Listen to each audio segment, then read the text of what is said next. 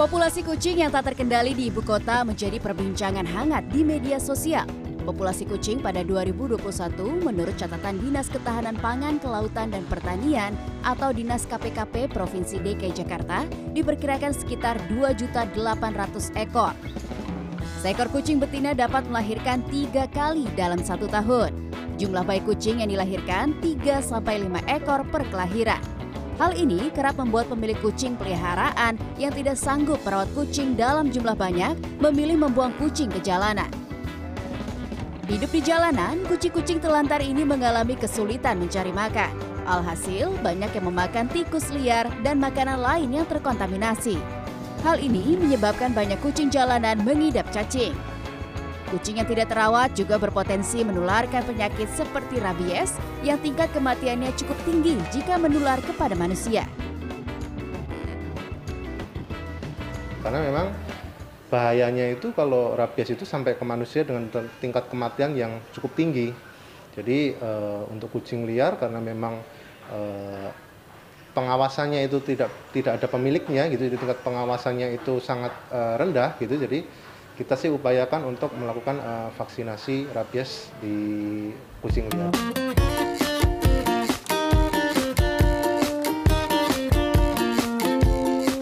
Agar populasi kucing terkendali, Dinas KPKP Jakarta bekerja sama dengan komunitas-komunitas pecinta kucing melakukan sterilisasi kucing secara gratis.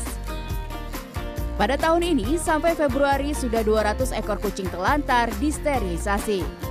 Kepala Dinas KPKP Suharini Eliawati memaklumi tidak semua orang menyukai kucing. Sekarang ini kan Jakarta itu seperti dalam satu wadah. Ada yang suka dan ada yang tidak suka, yang dua-duanya harus kami akomodir selaku pemerintah gitu kan. Nah, kalau misalnya ada aduan seperti itu, kami akan turun bersama-sama dengan komunitas seperti itu. Kalau dia belum disterilisasi, kami akan lakukan sterilisasi. Tujuannya untuk apa? Tujuannya untuk mengendalikan populasi. Kucing merupakan hewan teritorial yang berarti memiliki kekuasaan pada suatu tempat yang ditinggalinya.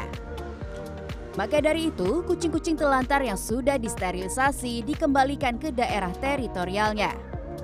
Sebagian lainnya ditempatkan di shelter atau tempat milik komunitas pecinta kucing. Mereka dirawat untuk diadopsi dan dijadikan hewan peliharaan. Mereka itu sebenarnya adoptable, artinya bisa diadopsi untuk jadi kucing rumahan. Jadi kalau seandainya uh, kita pengen lihat mereka jauh lebih sejahtera dan nggak mengganggu juga kondisi masyarakat pada umumnya, kan nggak semua orang suka sama kucing-kucing terlantar ya.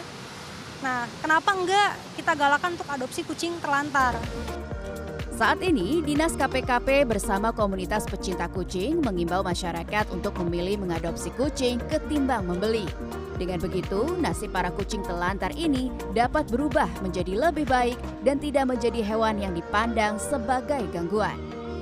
Tim Liputan CNN Indonesia